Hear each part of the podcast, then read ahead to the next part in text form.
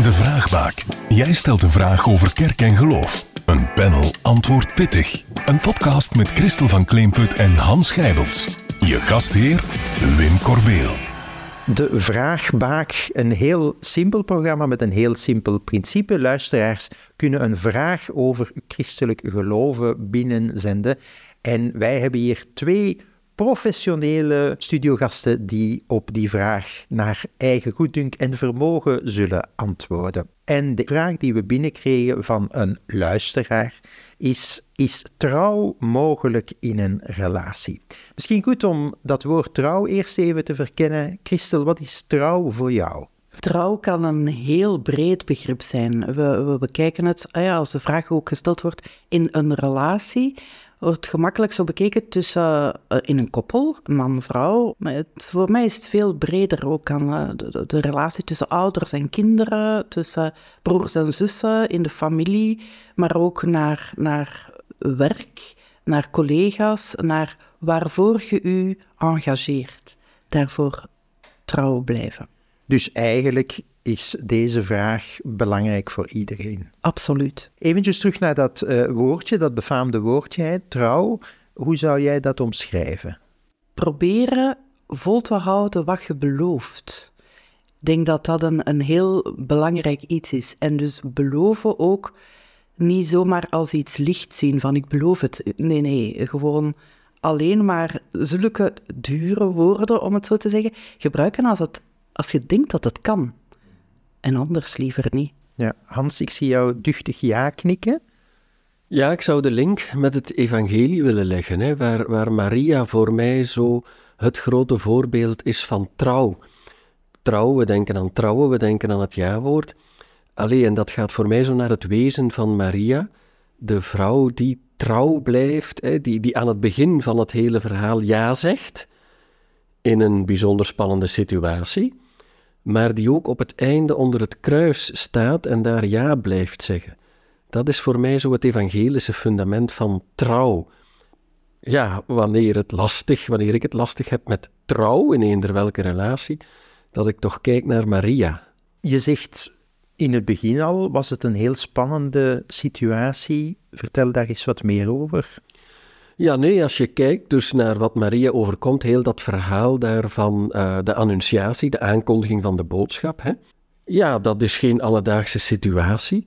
Dus en, en, en een heel vreemde situatie, laten we eerlijk zijn. Hè? En dus ja, zij, zij, zij geeft haar ja-woord, ja, zegt ze. Ik vind dat zo het belangrijkste uit het evangelie in verband met Maria.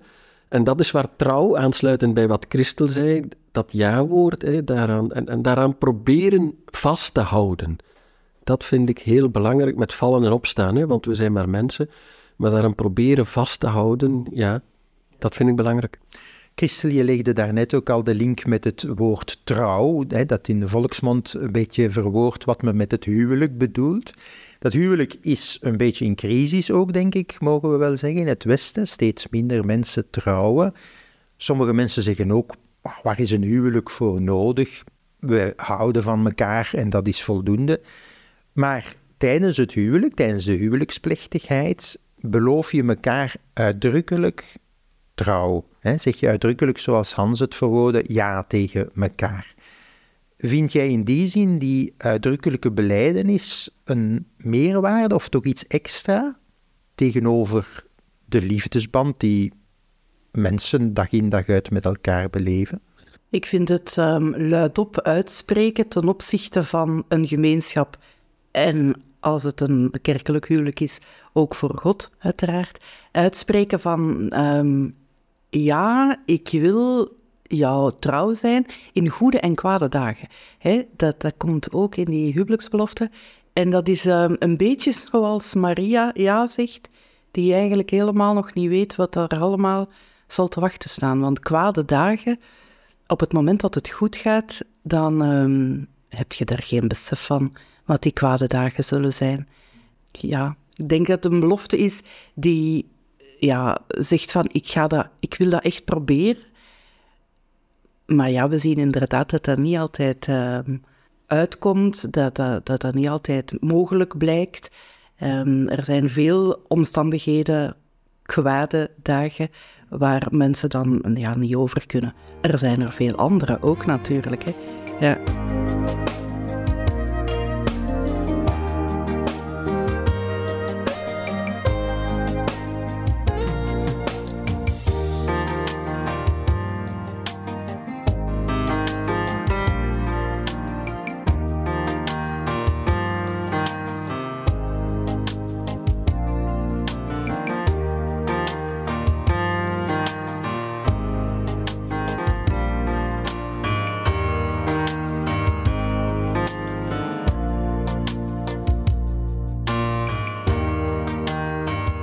Wat me opviel daarnet is wat je zei.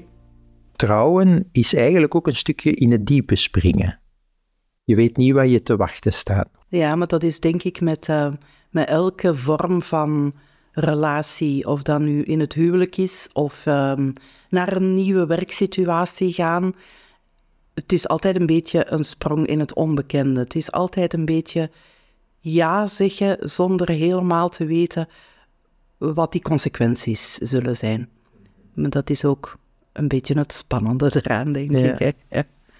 Wat je nu vertelt, uh, doet er me aan denken dat trouw als woord ook nauw verwant is met vertrouwen, hè, waar we het dan toch vaak, zeker in het christendom, over hebben. Vertrouwen als geloven. Herken jij die link ook, Hans? Uh, ja, en ik zou die link willen leggen met iets uh, wat Christel daarnet zei. Hè. Uh, ik vermoed ook dat de vraag gesteld is een beetje vanuit de zorg, is trouw nog mogelijk? Ja, is het inderdaad nog mogelijk, hè, want het gaat zo vaak mis. Ik denk dat er dan een nieuw aspect van trouw kan opduiken wanneer het misgaat. Hè. Ja, dan komt er een nieuwe dimensie bloot van, van een tweede kans krijgen, hè, opnieuw proberen, waarbij opnieuw dat vertrouwen, want dat is dan cruciaal, hè, kan opnieuw dat vertrouwen groeien, kunnen we terug proberen te beantwoorden aan dat ideaal, ondanks alles wat er misgegaan is of wat er gebeurd is, en dat is soms heel ingrijpend. En dan zitten we met dat aspect van vertrouwen, denk ik, dat dan uh, om de hoek komt kijken. Hè. Kunnen we elkaar opnieuw vertrouwen, ja. Zeg je daarmee ook dat trouw iets is dat je niet zomaar ontvangt en daarvoor het voor de rest niets mee doet, maar dat je het een stukje moet voeden, dat je er iets mee moet doen? Ja, dat is met alles zo, hè. Met al die grote deugden of waarden is het zo, dat is elke dag opnieuw, is dat die proberen daaraan te beantwoorden, zie je? Maar tegelijkertijd er ook bewust van zijn van, ja, als ik dat niet kan of als dat eens misgaat, ja, krijg ik dan een tweede kans, hè? Uh, zonder dat we daar misbruik van moeten maken. Ja. Zo, hè, van, uh, dat beroemde zinnetje van Sint Augustinus. Hè, uh, ik wil bekeren, maar nu nog niet. Hè. Ja, mm. ja. Ik vind het wel belangrijk, allee, en zo beleef ik dat ook voor mezelf. Dat zijn idealen. Ik wil daar nooit afbreuk aan doen. Hè, maar tegelijkertijd zijn idealen. Ik kan er niet altijd aan beantwoorden. Allee, is er dan iemand die mij helpt in die tweede kans? Dat vind ik wel heel belangrijk. Kan die iemand ook God zijn?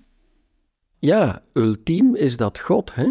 Maar ik denk ook dat dat vaak mensen uit de omgeving zijn. Hè? In een relatie is dat dan de echtgenoot of de echtgenote hè? of de partner. In de kinderrelatie, ja, naar, naar de kinderen toe kunnen dat ook de kinderen zijn, zie je. Maar ultiem is dat ook God. Ik vind het ongelooflijk belangrijk wanneer ik ongelooflijk diep in de put zit, vind ik het ongelooflijk belangrijk dat iemand tegen mij zegt ja, maar God kijkt nog altijd niet anders naar jou. Dat wil ik dan wel echt horen op zo'n moment. Dus ja, in die zin blijft dat wel iets ultiems. Maar het is ook goed dat er dan reëel een arm om de schouder komt. Ja, ja. Daar heb ik ook wel baat bij. Herken jij dat ook, Christel? Zowel het aspect van God die altijd trouw blijft, want daar komt het op neer, als het feit dat je in je omgeving de mensen met wie je een sterke relatie hebt, dat je het van hen ook belangrijk vindt om een stukje verzoening te kunnen krijgen of geven? Ja, dat zijn twee verschillende dingen die tegelijk ook heel erg aansluiten. Ik denk dat we God voornamelijk ervaren door andere mensen. Alhoewel dat het ook helemaal in de, in de stilte, alleen in alle rust kan zijn dat, dat er dat vertrouwen is, hè, waar dat weer dat woordje voorkomt van God is er. altijd onvoorwaardelijk zo. Hè, van, ik moet het niet per se allemaal tot in de puntjes goed gedaan hebben. Nee, hij is er, punt. En door de mensen rondom, ja, in mijn geval vaak de kinderen die volwassenen zijn, hè, dat is uh, ja, een, een, een hele mooie relatie waar je altijd op kunt terugvallen ja, ik heb ook het geluk van mijn ouders nog te hebben, die uh, straks 60 jaar getrouwd zijn, om maar te zeggen. Dus trouw in een relatie is mogelijk. Hè. Ja. Um, Gelukkig, hè? Maar, dat is ja, Dat is ook zo, ja, om altijd op terug te vallen. Ja, ik als kind van hen, maar intussen zij als af en toe wat meer zorgvragend, ook op mij. Zo, of mij, of mijn zus en mijn broer. Ik bedoel, dat is een, een wederkerige relatie. En dat is, is wat het heel mooi maakt.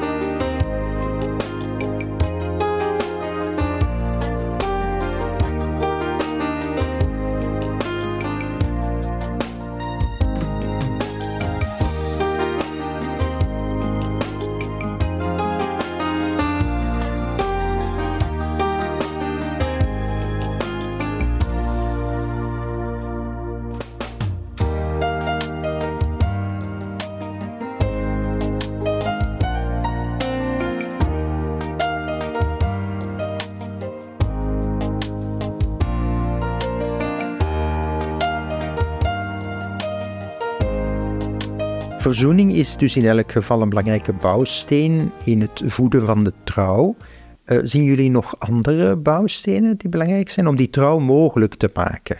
Of te blijven mogelijk maken? Ik denk dat op een bepaald moment komen er heel veel waarden samen. Trouw, vertrouwen, ja, roept bij mij ook direct de idee op van geduld. Zie je, geduld hebben met elkaar. Uh, mensen moeten met mij toch veel geduld hebben in elk geval. Dus ja, alleen op een gegeven moment komt alles samen. Liefde. Ja, je kan liefde niet wegdenken uit trouw. Zie je, dat is het hele eigenaardige zo. Heel bovenaan op de berg komen heel veel waarden, raken die aan elkaar. En dat zie ik hier ook gebeuren in, in, in, trouw. Ja. ja, liefde inderdaad uh, ook een heel belangrijk gegeven. Ook in bijbels opzicht. Hè. Denk maar aan 1 Corinthians 13, het hooglied van de liefde. Daar horen we, hè, geloof, hoop en liefde zijn belangrijk, maar de liefde is uiteindelijk het belangrijkste.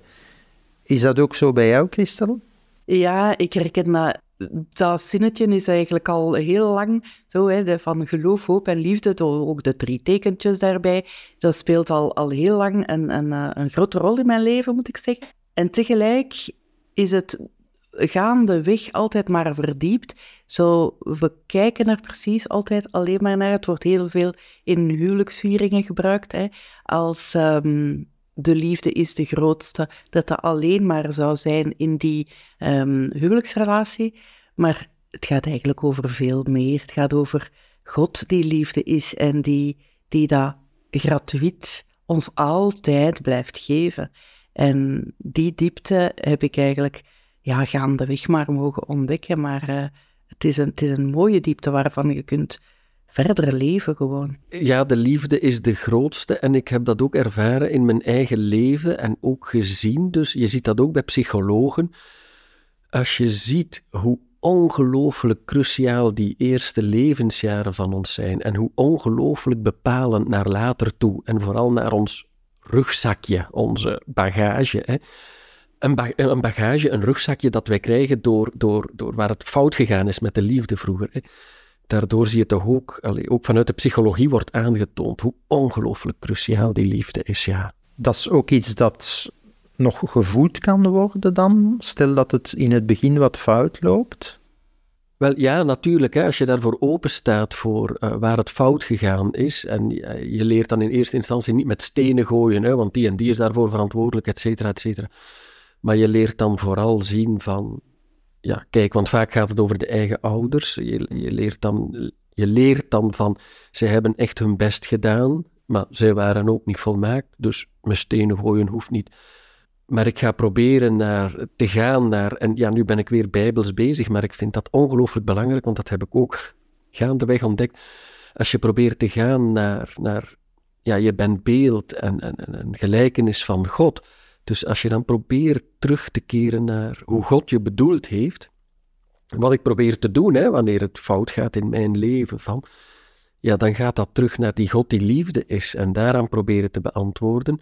Dus ja, dat is mogelijk. Maar voor mensen natuurlijk met een heel zware rugzak is dat een heel moeilijk proces. En, en ik heb lange tijd geloofd dat ik dat op eigen houtje kon, mijn rugzakje leegmaken. Maar eerlijk gezegd, ik heb daar hulp voor ingeroepen in coaching. En ik, ik vind dat helemaal niet erg om dat te zeggen, hè, want uh, en dat heeft mij echt al veel verder ge geholpen. Niet alleen in mijn leven, maar ook in mijn geloof. Heeft me dat heel erg verdiept. Want je kan dat rugzakje niet alleen leeg krijgen, hoor. Kissel? Ik wil daar misschien toch ook nog even op inpikken, omdat je zo heel veel refereert naar die allereerste levensjaren. Ik heb nu het geluk van een kleindochter te hebben die uh, 15 maanden is ondertussen. Proficiat. En ik zag, dank u, ik zag een foto, ja, tegenwoordig worden er constant foto's doorgestuurd. Hè. Um, een foto zoals er waarschijnlijk duizenden foto's gemaakt worden van mijn kleindochtertje dus op de arm van haar papa. Hè. En het sprak zo, de, heel dat beeld sprak zo van dat ongelooflijke vertrouwen, dat ik daar ik kon niet anders als daar dat basisvertrouwen naar God toe ook inzien. Dat kind weet daar nog niks aan nu natuurlijk, maar um, die zit op, op de arm van haar papa. Die moet zich niet afvragen, zal mijn papa mij niet laten vallen? Nee. Zal mijn papa mij ook niet graag kunnen zien? Nee, dat kind staat daar gewoon niet bij stil. Dat is een, een zo groot oervertrouwen. Zo'n vrolijk gezichtje, zo blij omdat ze dat allemaal zo mag ervaren. En voor mij sprak uit dat beeld, en ik zeg het, het is niet alleen zij, er zullen zo duizenden foto's bestaan, gelukkig, hè, maar zo het beeld van, dit is het oervertrouwen dat wij naar God ook mogen hebben, die wij ook vader mogen noemen. Daarmee zeg je dan ook dat liefde en oervertrouwen geschenken zijn op de eerste plaats. Ze zijn ons gegeven, ja. Daar ben ik echt van overtuigd.